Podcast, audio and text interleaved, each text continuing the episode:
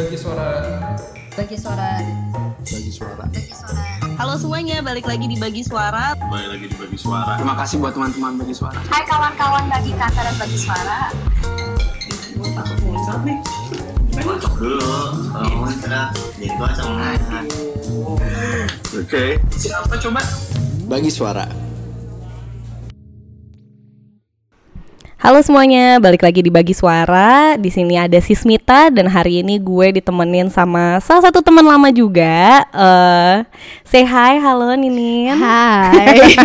Hai Kak. Hai. Sudah lama tidak bertemu, tapi kita sama-sama di Australia ya sebenarnya waktu iya, itu. sayang sekali. Tapi beda Cuma beda kota, doang. jadi nggak sempat ketemu. Nah sebenarnya kenapa sama Ninin hari ini? Karena Ninin baru aja launching buku kumpulan puisi berjudul Rusun Nothing, Azek. Nah hari ini jadi kita mau ngomongin um, sama Ninin uh, sedikit tentang uh, bukunya dan um, latar belakangnya apa sih? Kenapa bisa tiba-tiba uh, lo terinspirasi untuk nulis puisi, kumpulan puisi. Karena sebelumnya gue juga tahu lo uh, sempat nulis juga dalam format lain ya. Um, boleh ceritain sedikit mungkin tentang diri lo dan um, buku kumpulan puisi lo? Bukunya dulu kali ya? Boleh. Oh nggak mau self centered ya? Oke, oke. kan ceritanya nggak bisa. Aku nggak bisa nih ngomongin. Oh, bisa sendiri, bener. Oh, susah. my. Kalau bukunya tuh sebenarnya jadi ini manuskripnya udah cukup lama. Jadi gua ngumpulin ini tuh sebenarnya udah selesai di tahun 2015. Pertama gua uh, kepikiran, oh gue mau ngumpulin puisi gue dalam satu buku. Itu di situ di tahun 2015. Waktu itu uh, puisi-puisinya itu adalah kumpulan puisi yang gue tulis di blog. Tadinya di Tumblr, Words, WordPress gitu-gitu. Eh, dari tahun Blogspot, iya pokoknya semuanya dia tuh dari Blogspot, Tumblr, WordPress, sama yang gue ya tulis-tulis nggak gue publish eh dari sekitar tahun 2010 gitu kali ya. Jadi pas zaman-zaman itu kan gue baru awal kerja tuh. Nah karena kerjaan gue itu gue kerja di agency, jadi copywriter. Eh nature kerjaannya tuh nggak semua nggak selalu kayak ada kerjaan terus gitu. Kadang-kadang ada kerjaan yang padat banget, terus tiba-tiba nggak ada kerjaan sama sekali, terus tiba-tiba padat lagi gitu. Nah, nah itu tuh kayaknya gue ngerasa waktu itu emang saat gue paling produktif tuh di masa-masa itu tuh. Sama ditambah lagi eh, perjalanan pulang dan pergi gue Commuting. ke kantor itu juga kayak bikin mikir dan oh gue mau nulis ini gitu. Jadi berawal dari iseng-iseng, Iseng-iseng. terus tiba-tiba kayak ada kesempatan nih untuk membuat sebuah pertamanya lo ditawarin atau lo sendiri yang inisiatif untuk mempublish uh, ini semua? Kenapa gue mulai nulis puisi itu kan waktu itu gue ketemu sama anak-anak komunitas bunga matahari namanya. Itu adalah komunitas puisi online. Eh, dulu basisnya tuh Yahoo Group eh Yahoo apa sih? Mailing Yahoo Group ya mailing list. Nah, Mailing list. nah, terus habis itu kayak berpindah ke multiply dan segala macam. Tapi beberapa anak-anak yang masih aktif di situ heeh, terus kemudian temenan sama gue. Dan kayaknya terus akhirnya jadi gue nemuin satu outlet di mana gue bisa nyaman menulis sembari curhat tapi nggak terlalu apa ya? Eksplisit gitu ya. Eksplisit Yeah. lewat puisi gitu Uh-uh. kan. Nah, terus apa ya? Tadi gue lupa. Gue Aku lupa. Oh, oke. Tidak apa-apa, Flow- tidak apa-apa. thought-nya. Oh, Terus eh, akhirnya ada opportunity nih untuk akhirnya publish. iya terus mulai eh, beberapa teman dari situ udah mulai nerbitin buku juga. Mm-mm. Nah, dulu tuh lucu sih. Dulu tuh kan kita berbasis online ya. Dan kita nggak berpikir bahwa punya buku adalah salah satu cara untuk kita untuk meneruskan karya kita gitu. Karena zaman dulu tuh kayak kepikirannya, ah buat apa sih punya buku? gitu. Tapi habis itu eh, ternyata seiring berjalannya waktu, terus kayak kita berpikir kayak kita harus punya strategi lain. Karena kita nggak bisa survive di internet doang. Di mana lo tau lah kayak kalau di, di internet kesenjangannya juga terreproduksi gitu ya. Jadi sama aja. Jadi lo battle of field lo jadi harus kayak beragam gitu. Nah pas temen gue udah mulai apa nerbitin buku dan udah waktu itu saat itu kayaknya mulai banyak juga apa ya muncul penerbit-penerbit yang lebih indie. Terus gue mikir ah kayaknya bisa juga sih gue gitu. Puisinya udah mulai banyak juga Jadi gue mulai deh bikin manuskrip gitu. Hmm, oke oke oke. Kalau gue baca-baca kan kemarin kemarin udah baca dong. Asik, udah baca, udah baca. abis. Eh, cepet sih soalnya kan cuman kayak eh, berapa halaman nggak nggak tebel kok. Teman-teman pasti bisa mengkonsumsi ini dengan sangat Iya, cepat. betul. kalau gue baca-baca kan sebenarnya kayak temanya tuh eh, banyak ya. Maksudnya nggak nggak cuman satu. Eh, kalau gue lihat juga dari pas launching lo, lo sempat komen juga bahwa ini adalah em, kumpulan dari kegelisahan seorang perempuan Cu- curi urban asik ada Iya. kata-kata urban ya tapi itu urban ya. penting sih menurut Ah. gue karena kayak ya pasti struggle yang dirasakan di Mm-hmm. eh, tempat-tempat lain berbeda gitu kan Iya, betul, Em, betul. tapi gue pengen tahu aja sih kayak awalnya em, apa yang menginspirasi lo untuk kayak nulis tentang hal-hal ini? Misalnya like, tadi lo cerita kayak lo suka nulis pas lagi commute kayak atau mungkin pas lo lagi nggak ada kerjaan di kantor bengong gitu. Is there like anything specific yang kayak lo draw from gitu secara sehari-hari? Kalau kesa- secara keseluruhan sih kayaknya waktu itu yang me- memfuel gue untuk nulis adalah emang kayak kalau gue lagi eh, bete karena deadline gue numpuk, terus gue lagi butuh sebuah pelarian lagi lain, akhirnya gue nulis gitu.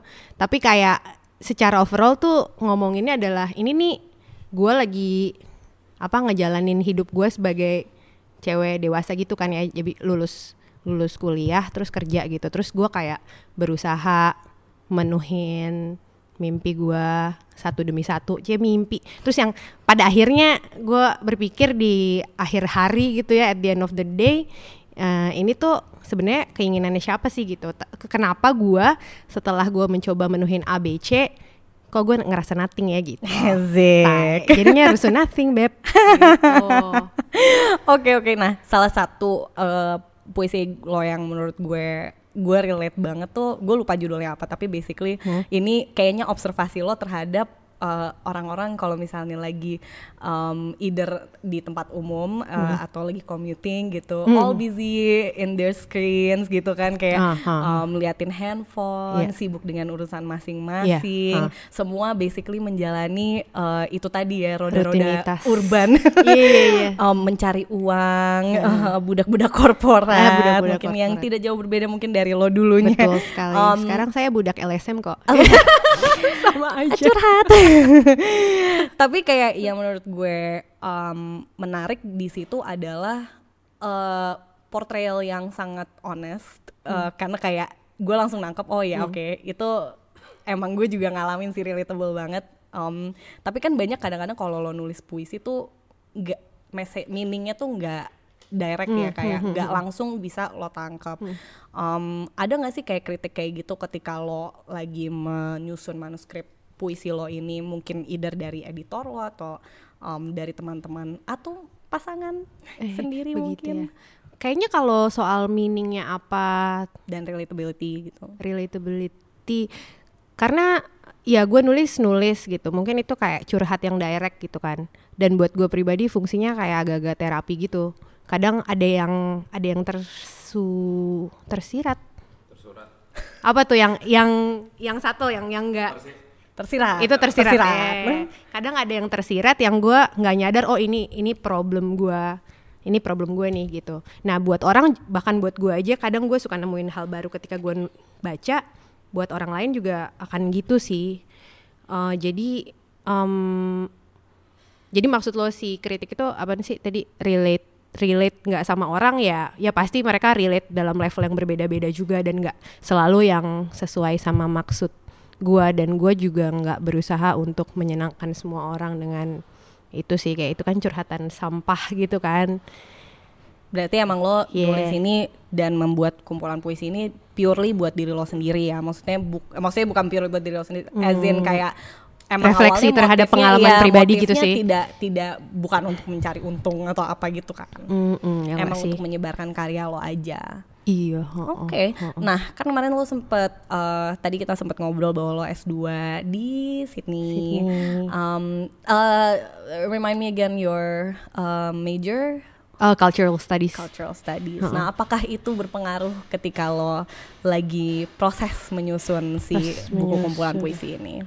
Eh, gua tuh nggak masukin puisi-puisi gua yang udah terpengaruh sama itu, karena yang buat gue di Rusunating ini itu perjalanan gue dari uh, baru kerja sampai agak-agak abis-abis kawin lah gitu. Kalau gimana ya? Mungkin mungkin jadi agak ngebantu gue untuk ngeframe najemin framing dari puisi gue ini. Oh iya nih emang ini adalah karena gue belajar gender juga dalam cultural studies ya oke ini gue mau spesifik banget pengalaman gue sebagai perempuan dengan positionality gue yang kelas menengah ini gitu sih. Di mana gue juga nggak akan berpura-pura untuk kayak hidup gue susah-susah banget atau hidup gue senang-senang banget tapi ya in between gitu. Kayaknya cuman ya apa najemin itunya aja sih. Bahwa kayaknya ya pengalaman perempuan yang spesifik dari kegiatan sehari-harinya mau dari mana dia berasal itu penting buat disuarakan gitu. Oke, berarti mm -mm. ada sedikit pengaruh, uh, tapi yeah, lo yeah. berusaha untuk um, menceritakan ini semua dengan jernih lo sendiri ya. Jadi mm -hmm. enggak um, enggak yang lo pengen semua harus kena semua kalangan yeah, kayak, dan sebagainya gitu. Kayak misalnya misalnya katakanlah feminisme gue jadi semakin tajam ketika gue sekolah, gue nggak akan berpura-pura ngerevisi karya gue yang tadinya nggak woke woke amat jadi lebih woke gitu loh. Uh, kayak ya udah biarin aja kayak gitu gitu kan. Akhirnya sebenarnya itu kayak jadi refleksi balik ke gue sendiri oh gue dulu gini ya gitu. Gue masih berpikir dalam sangkar mono hetero ini uh, yang pada akhirnya membuat gue jadi seperti ini kayak sekarang gitu sih. Nah tadi uh, lo sempat mention bahwa beberapa karya di situ kan juga kalau gue lihat uh, di notesnya sempat lo publish juga ya di tempat lain dan itu udah yang udah dari lama banget kan? Iya yeah, kayak 2012. 2012 lah. 2012 uh, gue lihat ada beberapa yang udah pernah dipublish juga. Nah hmm. waktu um, pas lo dipublish itu hmm. uh, emang ada yang nawarin atau lo sendiri yang inisiatif untuk um, reach out ada ke yang publication naw ini? nawarin sih. Jadi waktu itu di tahun ini karena komunitas lo juga ya? Uh, mungkin pertemanan iya. Mm -hmm. Uh, tapi bukan specifically komunitas bunga matahari tapi ya per pertemanan di antara itu sih waktu itu memang diajak untuk ikutan festival puisi internasional di beberapa daerah di Indonesia. Nah waktu itu kalau nggak salah gue ikutnya yang ke Pekalongan. Jadi gue dapat kesempatan buat ketemu penyair-penyair dari beberapa negara lainnya dan di Indonesia juga di berbagai wilayah di situ di Pekalongan itu terus uh, puisinya kayaknya di dikumpulin puisi kita para pesertanya terus dijadiin sebuah antologi besar oh, gitu. Oke. Okay. Mm -mm. Jadi emang beberapa di situ lo ambil buat di publish ya. Mm -mm, tapi memang kayaknya waktu itu juga rekomendasinya datang dari beberapa teman juga sih ngajakin gue gitu. Berarti komunitas ini juga lumayan berperan ya dalam kayak mendorong lo uh, uh, kayaknya lebih dalam ke puisi. Ya. Uh, uh, uh. Beberapa kali kan juga lo uh, sempat uh, baca puisi ya di pavilion. Oh iya iya iya itu juga menyenangkan.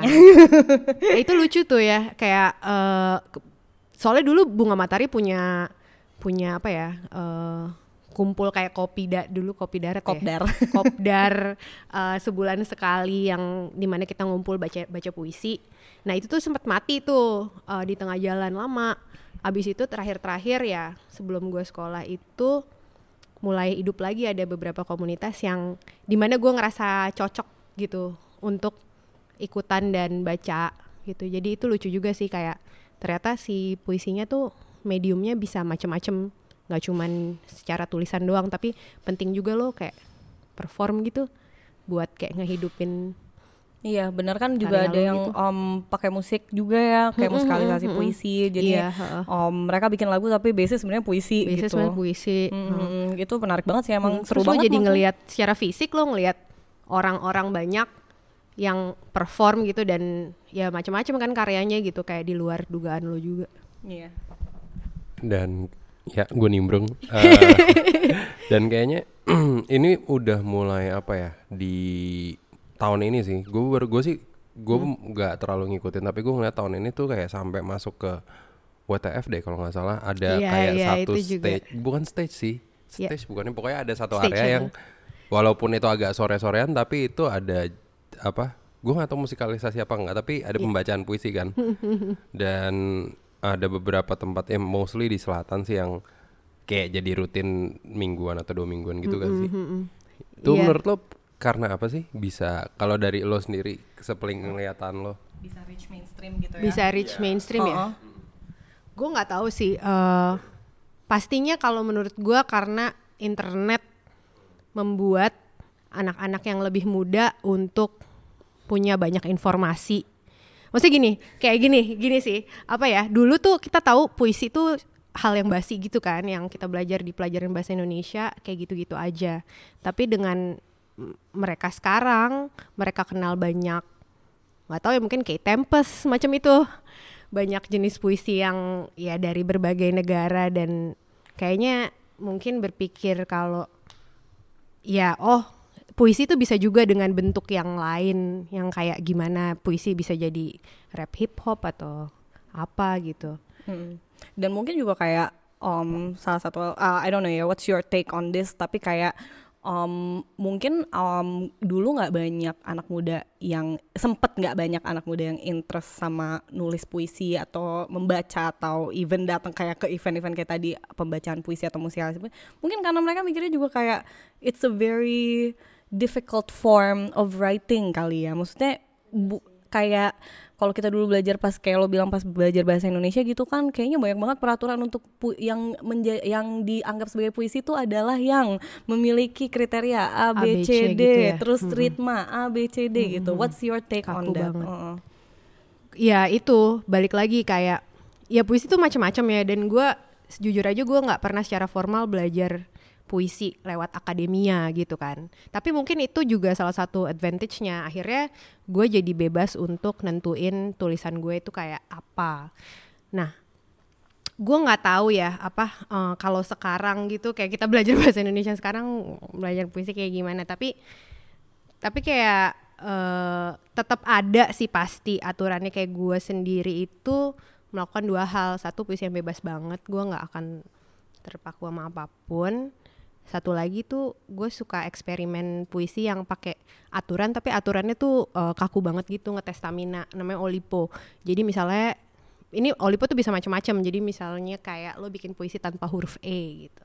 Atau nggak lo lo bikin puisi cuma dari eh, misalnya nama lo doang huruf-huruf dari nama lo doang kayak gitu. Itu juga lucu sih Iya, itu salah satu eh, di buku lo juga ada kan Iya, yang berdasarkan nama lo dan nama suami lo ya. iya iya, iya, itu Ah. puisi yang gue pajang pas kawinan gue dulu Asik.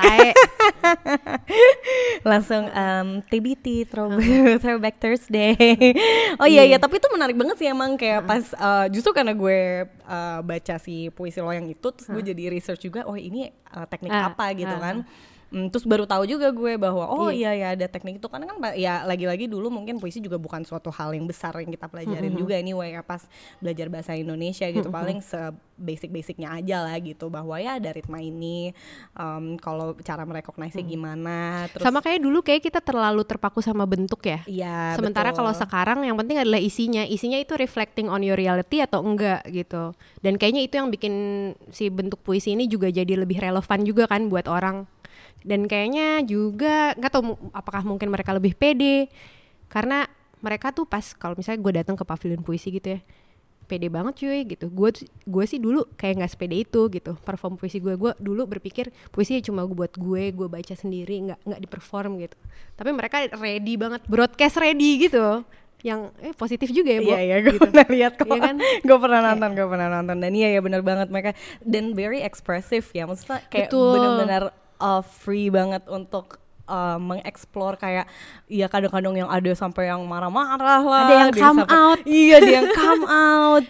Jadinya malah ya kayak lo bilang tadi juga ya mungkin bagi banyak orang sekarang puisi jadi kayak terapi diri sendiri lah ya terapi Iya, iya. buat Iya, masing-masing orang. Iya Benar iya, juga itu sih, menarik banget. Nah gue mau nanya juga nih kan lo sempat sebelum nulis puisi juga menulis uh, dalam bentuk uh, lain ya. Kita, Oh, ya. juga- kita sempat uh, omongin juga. Menurut lo uh, perbedaan tantangannya antara lo menulis karena gue pernah baca juga lo sempat nulis um, cerita pendek buat Oh, iya, Vice ya? buat Vice. Uh, buat Vice waktu itu gue sempat baca juga dan ya it's a very different experience Iya. obviously dari membaca. Ya walaupun ya pasti kan yang itu fik- fiktif ya fiksi. Iya, heeh. mungkin kalau puisi kan lebih emang kayak tadi lo Ha, bilang ha. reflection diri lo sendiri. Tapi apakah uh, tantangannya menurut lo yang membedakan nulis uh, long form sama puisi? Kalau ini gue juga pemahaman gue terbatas akan cerpen ya karena waktu itu pas gue nulis cerpen gue pikir gue malah lebih terkekang gitu karena cerpen harus ada ceritanya. Harus ada ceritanya. Tapi padahal harusnya enggak sih ya harusnya nggak perlu kayak gitu. Cuma kayak at least kalau lo bikin cerpen lo terpaku sama gue harus punya sebuah kayak at least narasi walaupun cuma sepotong tapi gitu gitu Ada storyline-nya lah gitu ya. udah gitu kan Vice itu kayak kayak iklan.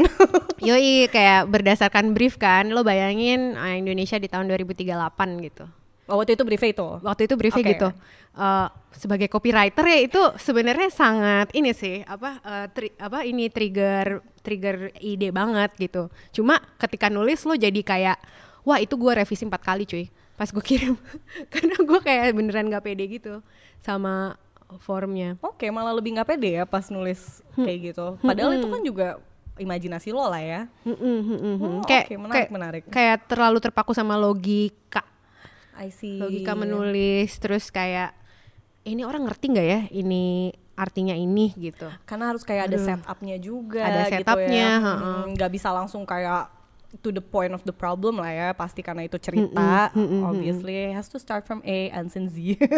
kayak gitu sih padahal mungkin nggak harus kayak gitu cuma gua ya itu gua nggak ahli menulis cerpen ternyata jadi harus belajar lagi kayaknya Hmm, Oke, menarik banget. Nah, tapi pas puisi lo merasa lebih bebas justru. iya heeh, Jauh heeh. untuk mengeksplor. Iya Kayak kayaknya udah terbiasa sama formnya jadi gua ada trigger apa itu tuh gua kurek gitu gua kurek terus gua tulis kalau jadinya jelek gua revisi lagi tapi kayak prosesnya tuh udah lebih familiar gitu Oke, oke.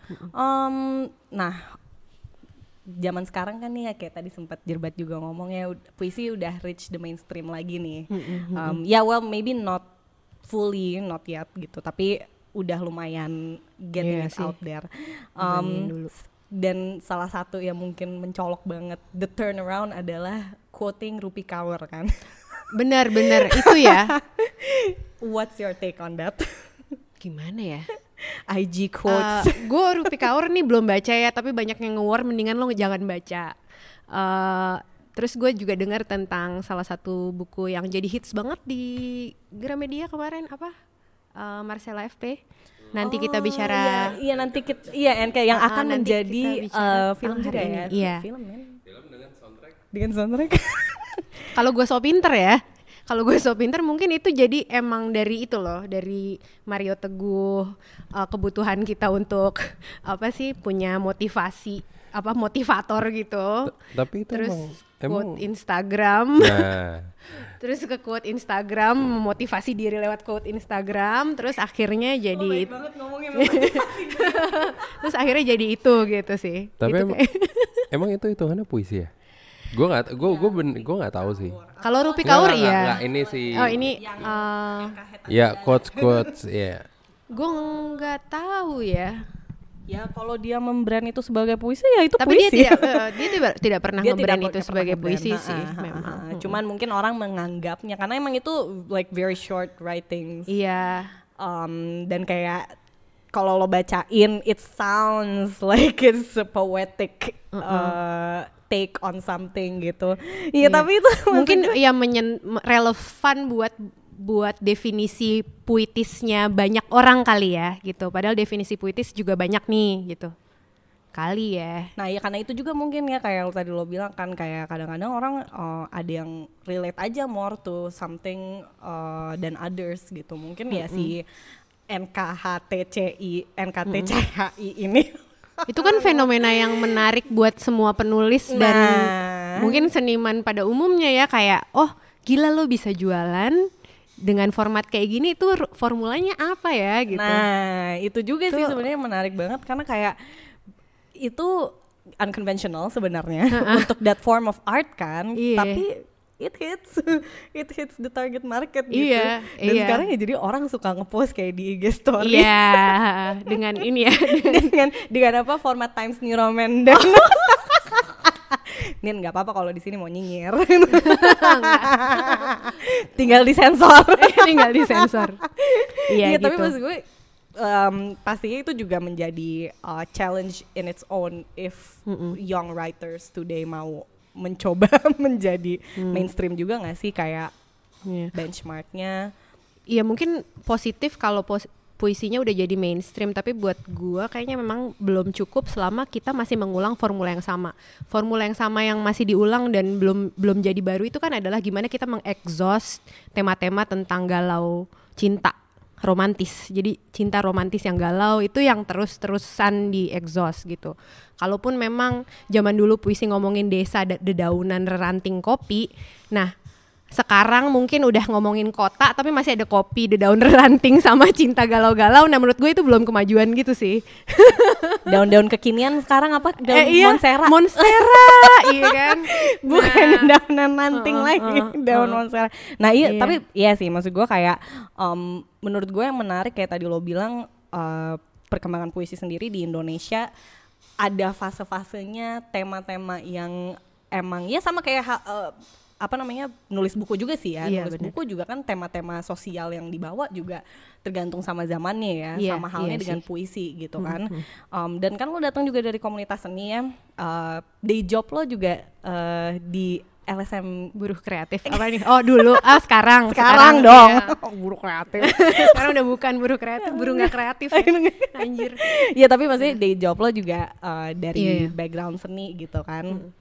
Jadi pasti lo juga sering terekspos dengan karya-karya yang mungkin mengangkat mengangkat uh, isu-isu terkini yang uh, mungkin menarik gitu ya bagi lo. Ada nggak sih yang menurut lo stand out nih dari either penulis puisi atau penulis pada umumnya gitu yang cukup inspiring buat lo?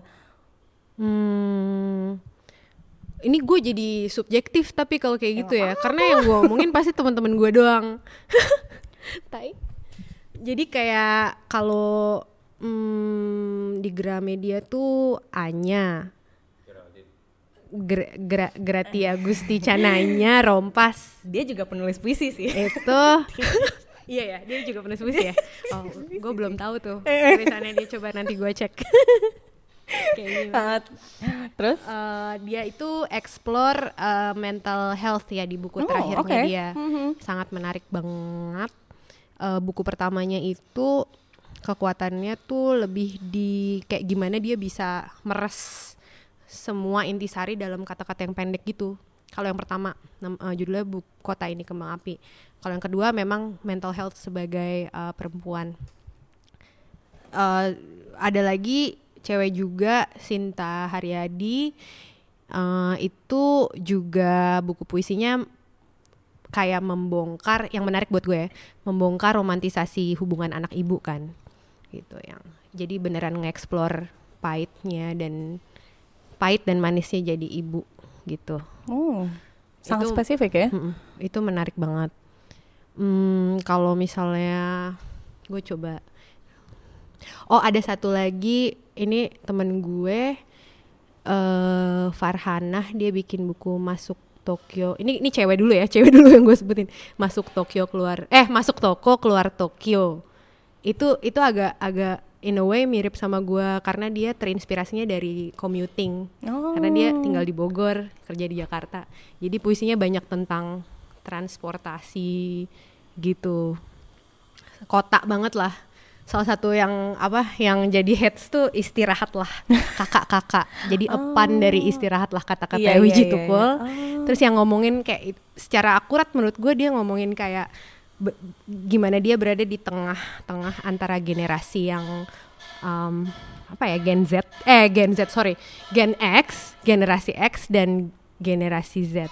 Terus Hmm. dia ngerasa kayak nggak nyaman dua-duanya gitu kayak back and forth jadi jadi perjalanannya dia nggak cuman kayak perjalanan commuting back and forth tapi kayak emang secara apa ya relevansinya dia di tiap generasi bolak-balik kayak gitu-gitu tuh Hmm, hmm, hmm. itu lucu juga sih Oh, nice.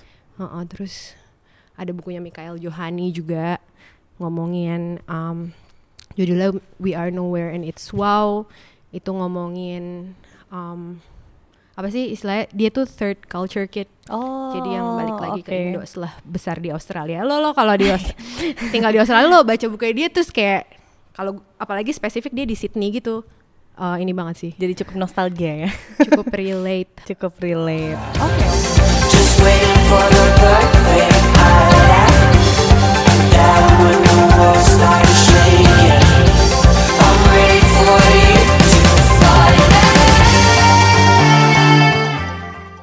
Doa dijawab oleh ahlinya. Katro banget kayak iklan radio Depok gitu. Oke, nah di segmen kedua ini gue mau eh, memperkenalkan sebuah segmen segmen baru dari eh, bagi suara yaitu dijawab oleh ahlinya. Bayangin ada jingle ya di situ. Ahli apa nih? ahli. Nah, kali ini kita bersama Ninin eh, yang mungkin bisa membantu kita teman-teman bagi kata em, menjawab pertanyaan-pertanyaan seputar perpuisian, perpuisian. Perpuisian. I think that's a word, but that's okay. Em, pertanyaan pertama Ninin, ini semua subjektif ya. Iya, Kalau misalnya memang karena lo ahlinya ahlinya subjektif. Ahlinya subjektivitas. Bukan ahlinya subjektif. Berdasarkan pengalaman pribadi. Pertanyaan pertama eh, dari user kita adalah em, pengen mulai nulis puisi nih, tapi Hmm. ada tips nggak yang bisa di share dari Kak Ninin mungkin Anjir. untuk teman-teman yang masih eh, bingung mau mulai nulis puisi tuh gimana sih caranya Kak gitu. Kalau buat gue sih jangan mikirin formatnya ya, tapi eh, kegusaran lo apa. Itu aja lo pikirin dulu, terus nanti lo keluarin dalam bentuk apa pun ya nanti lihat nanti gitu. Tapi emang kayak kalau lo punya sebuah kegusaran atau kegelisahan yang mengganggu, tuangin aja gitu. Dan Bisa takut jadi buat apa pun. self editing juga ya tadi Iya. kan lo sempat bilang juga. Heeh, Mengedit diri sendiri. Mengedit diri sendiri. Benar-benar benar. Jadi jangan terkekang format. Iya jangan terkekang kayak gue mau nulis puisi nih enggak tapi kan kalau misal lo udah tahu mau ngeluarin apa lo pasti ntar akhirnya kelu- keluar sendiri dengan cara lo gitu sih ya. Karena semua orang punya stylenya masing-masing ya, jadi jangan khawatir um, kalau lo ngerasa bahwa oh ini kayaknya nggak terdengar seperti puisi gitu. It could be your style gitu ya. Ya atau baca-baca aja buku-buku puisi Indonesia mungkin. Ada tuh satu gue lupa nyebutin Tuti Herati.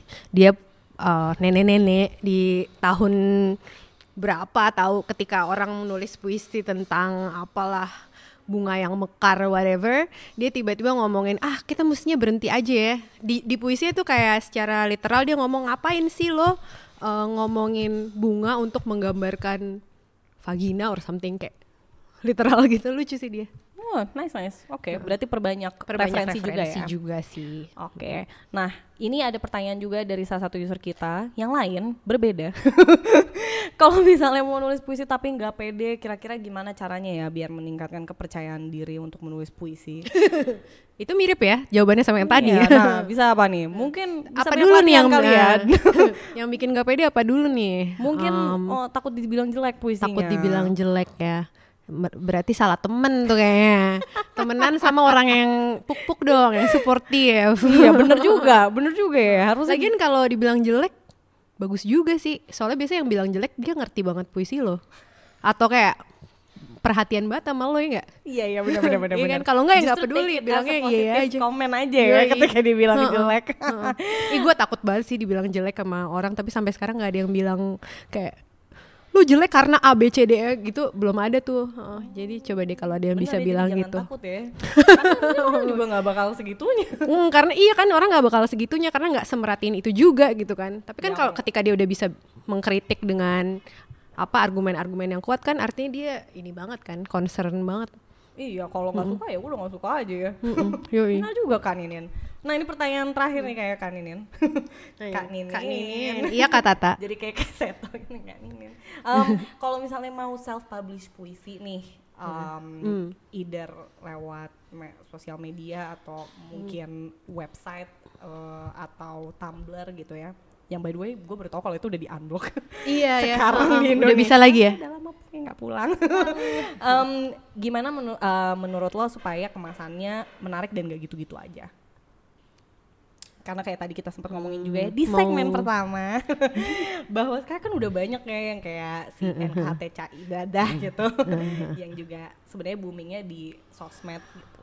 Tergantung sih ini lo, mau lo bawa ke mana. Apakah ini jadi portfolio lo gitu kan?